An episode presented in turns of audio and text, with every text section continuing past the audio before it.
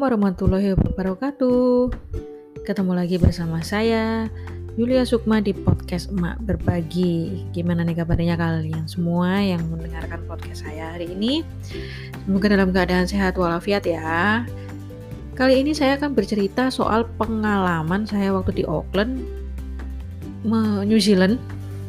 Waktu itu anak saya daycare, pengalaman daycare anak saya di Auckland anak saya itu di daycare dari usia 2 tahun setengah sampai lima tahun. Karena di sana itu daycare daycare itu termasuk salah satu PAUD ya. PAUD di New Zealand itu ada tiga ada daycare ada play center ada playgroup ini saya dan kindi ada empat ada kindergarten ada empat. Nah ini saya bahas yang daycare anak. Kenapa saya memilih daycare? Karena di dekat kampus itu uh, yang paling bisa dijangkau dari kindi play center playgroup itu adalah daycare. Dan bayarnya juga murah karena suami saya itu student mahasiswa. Dekat juga dengan apartemen tempat saya tinggal dan banyak yang deker di daerah sana akhirnya saya memutuskan untuk anak saya deker. Walaupun sebenarnya dalam satu sisi deker ini apa ya? Tapi karena udahlah uh, daripada dia nggak sekolah saya pikir waktu itu udah punya pengalaman biarin aja di deker di sana.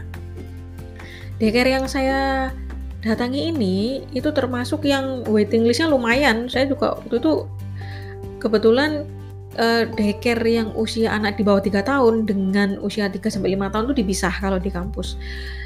Di kampus Auckland Uni yang di uh, Simon Street itu dipisah. Nah, di sana akhirnya karena saya masuk dari usia dua setengah tahun untuk masuk ke daycare satu lagi yang usia tiga tahun tuh nggak pakai waiting list.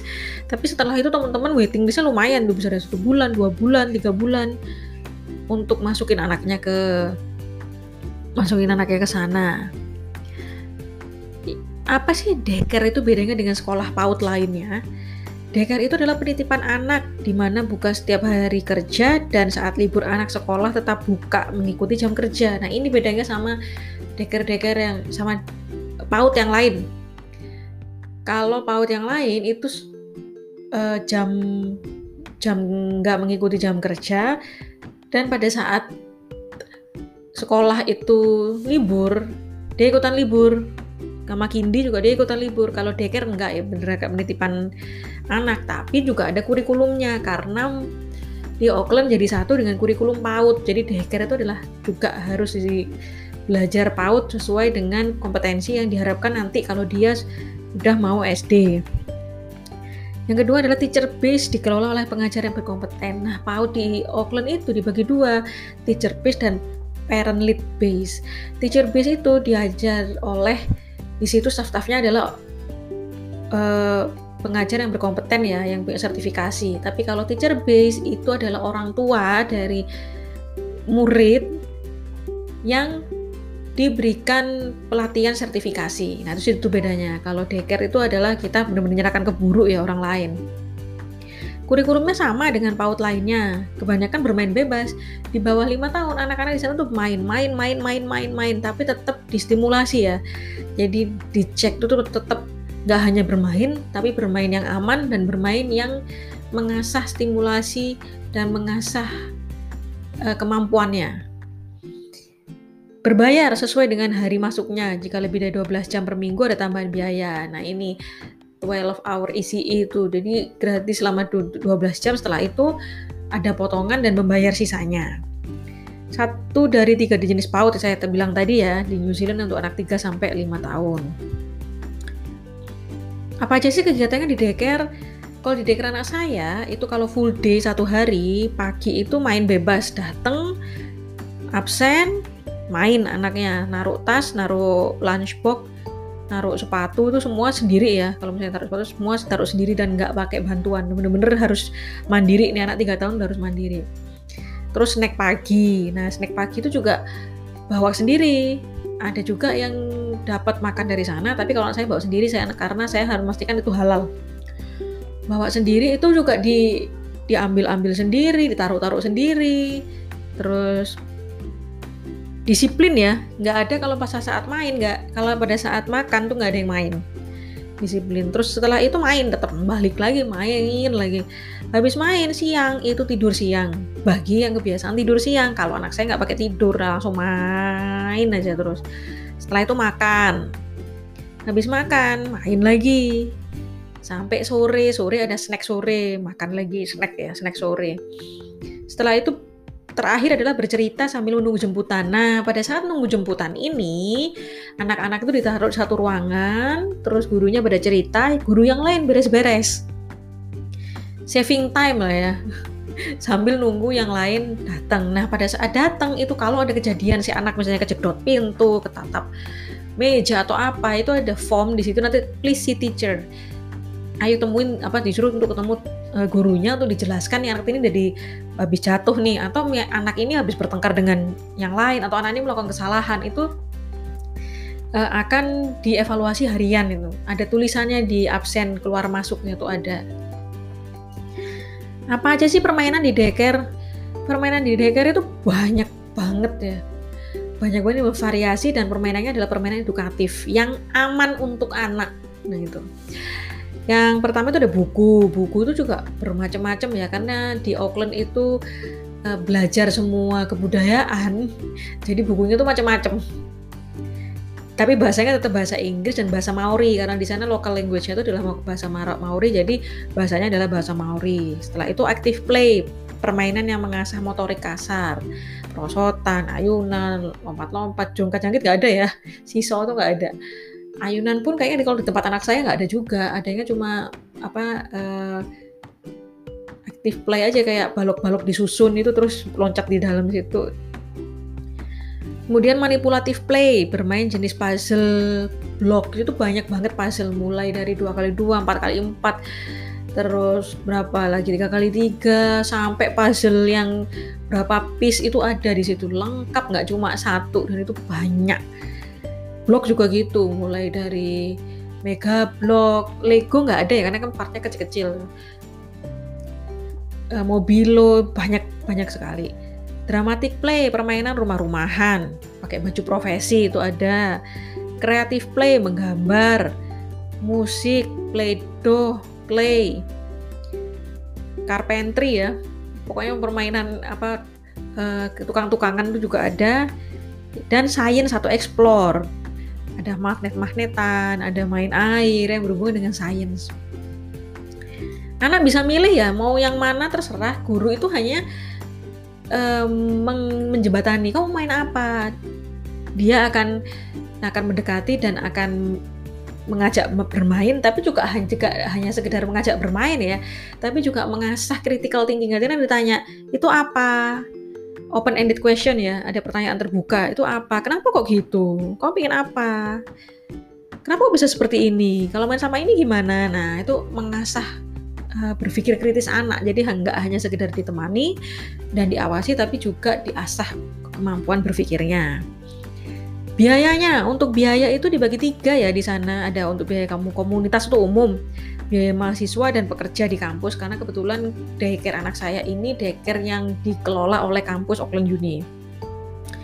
Biayanya beda-beda, ada biaya untuk anak usia di bawah 3 tahun, di 3 tahun sampai 5 tahun. Itu juga dibagi lagi per 4 6 8 jam harian hanya per hari aja oh hari seminggu aku mau dua kali aja 8 jam gitu. Atau full week tiap hari. Biayanya juga dibagi lagi termasuk makan atau tidak. Kalau saya saya pilih yang tidak pakai makan ya karena saya memastikan makanannya halal.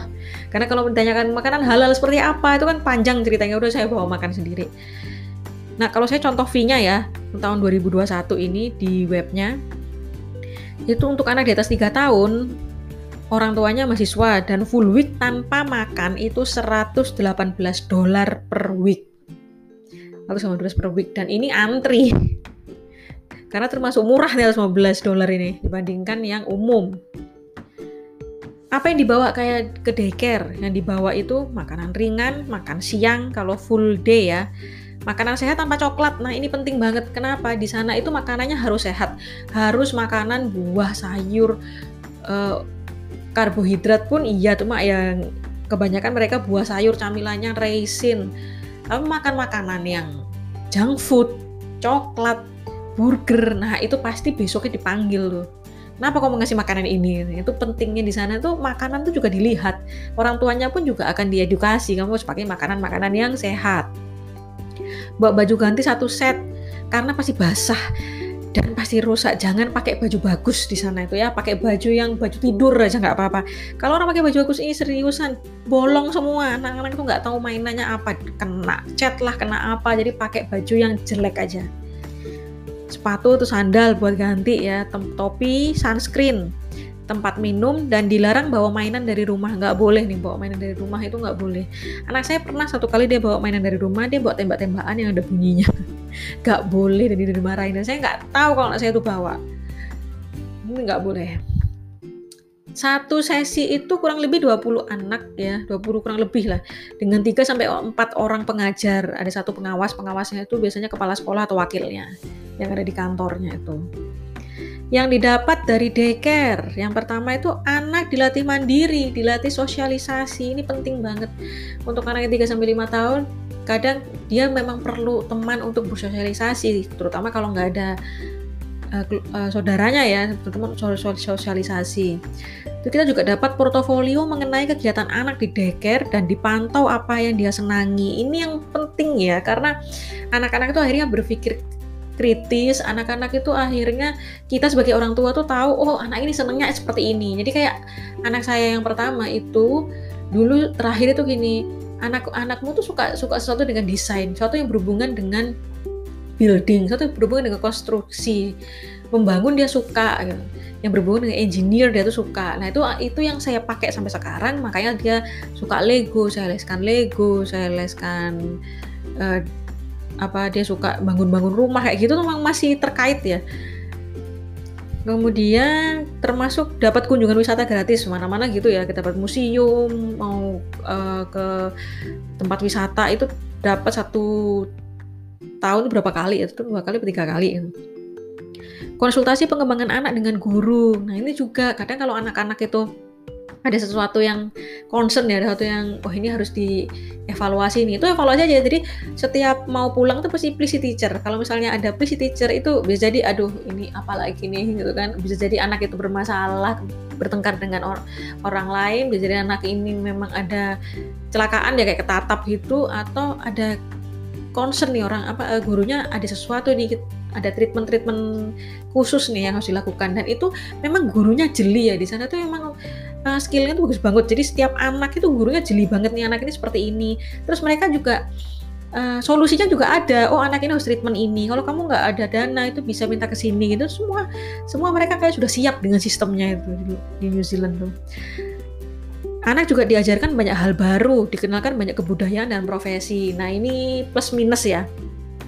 Dikenalkan banyak profesi oke okay lah kalau dikenalkan dengan banyak kebudayaan. Itu kadang karena mereka itu bebas kayak uh, banyak agama tuh diajarkan, di, bukan diajarkan, dikenalkan. Terus juga laki perempuan itu sama, nggak ada yang beda. Terus laki pakai rok itu boleh kayak bebas aja, free, freedom gitu aja. Itu juga kadang-kadang saya juga menjelaskan ke anak saya kalau kita itu muslim, kita begini tuh uh, kekuatan tauhidnya itu juga harus ditanamkan di rumah ya.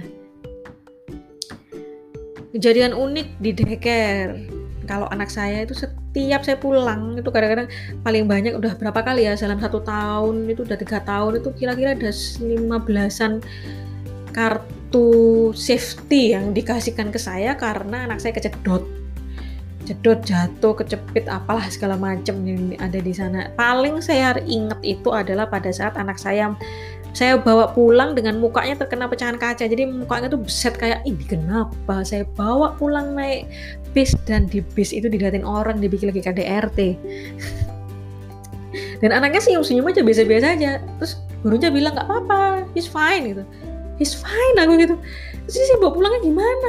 Muka beset semua begini gak ada darahnya tapi hanya ada serpihan-serpihan gitu ada bekas serpihan gitu. Anak ini kayak nabrak kaca katanya mainan sama temennya nggak tahu nabrak kaca jadi pecah kena mukanya kan? Dan gurunya santai aja. Anaknya juga santai heran. Emak yang panik. Terus uh, pernah tangan anak saya tuh kejepit di pintu karena saya tuh nggak lihat kejepit dong di pintu dan akhirnya itu saya punya kartu safety itu atas nama saya sendiri saya yang salah gitu. Anaknya santai aja nggak apa-apa. Anak saya juga pernah bawa nemtek anak orang. Lah dia kan baru belajar baca. Dia bawa nemtek anak anak orang. Namanya kan hampir mirip. Mirip tapi bukan dia namanya. Dibawa pulang dicari dong gurunya ini di mana. Nemteknya nggak ada. Bawa pulang anak saya taruh tas. Ini yang mau cari. Nemteknya dibawa pulang. Terus uh, di sana itu karena berkenalan dengan banyak budaya ya. Akhirnya saya sempat satu kali jadi narasumber itu memperkenalkan Idul Fitri di Indonesia dan apa Islam Idul Fitri di Indonesia dan Islam di Indonesia. Nah itu kenang-kenangan tuh pada semua pada ngelihatin terus akhirnya semua pada pada tanya dong. Uh, pada tanya juga eh, Indonesia tuh apa sih? Gimana sih? Kamu muslim gimana? Kamu pakai kudung kenapa ya? Itu umum lah. Jadi kita bisa edukasi bisa dakwah juga sekalian saat awal sekolah, menunggu di sekolah dengan anak selama satu bulan, seminggu dua kali, anak saya muntah parah. Sebenarnya ditinggal juga nggak apa-apa, tergantung anaknya. Tapi anak saya itu muntah parah, nangisnya nggak berhenti selama satu jam. Akhirnya saya nemenin seakan-akan kadang juga saya pernah ditanya, dipikir saya jadi guru. Saya bukan guru, saking seringnya saya di sana itu dan setiap anak beda-beda ya harusnya emang disonding dulu tapi udah sounding juga tapi tetap memang anaknya tuh biasanya nempel akhirnya juga agak susah untuk dilepas saat awal dia lihat pagar udah kabur. Tapi dua tahun ya dua tahun atau tiga tahun tiga tahun setelahnya dia malah nggak mau disuruh pulang. Betah ya gimana? Kayak main di salah satu playground aja di situ aja dikasih makan tidur yang lain-lain nggak mau pulang. Maunya main terus sama temennya. Nah, itu dia pengalaman saya di daycare di Auckland, mendekerkan anak saya yang waktu itu usia 3 tahun sampai usia 5 tahun. Setelah di daycare, itu juga bis, uh, setelah itu masuk ke SD ya, masuk ke SD itu usia 5 tahun, year 1. Itu juga sama kayak di uh, Indonesia ya per regional gitu, per wilayah seperti itu kalau misalnya masuk SD. Habis lulus dari deker ini juga ada wisudanya loh, tapi wisudanya ala-ala ya, cuma dikasih kue satu, didatengin teman-temannya, dipakein toga, terus bilang congratulations, selamat, terus dikasih satu tas isinya portofolio, nemteknya dia, semuanya ada di sana. Perpisahan lah istilahnya gitu. Dan saya waktu itu um, terakhir di daycare itu usianya lima tahun lebih karena saya memang menunggu bukaan sekolah uh, yang semester baru ya. Kan di, di Auckland itu liburnya tuh banyak ya seminggu se eh, setahun tuh bisa empat kali dan satu kali libur bisa dua minggu gitu. Lama. Lama banget. Jadi lebih baik anak saya di daycare. Ya begitulah pengalaman saya di daycare. Mendekerkan anak saya salah satu PAUD yang ada di New Zealand selama kurang lebih dua tahun setengah hampir tiga tahun. Semoga apa yang saya ceritakan bahwa manfaat dan bisa diambil hikmahnya.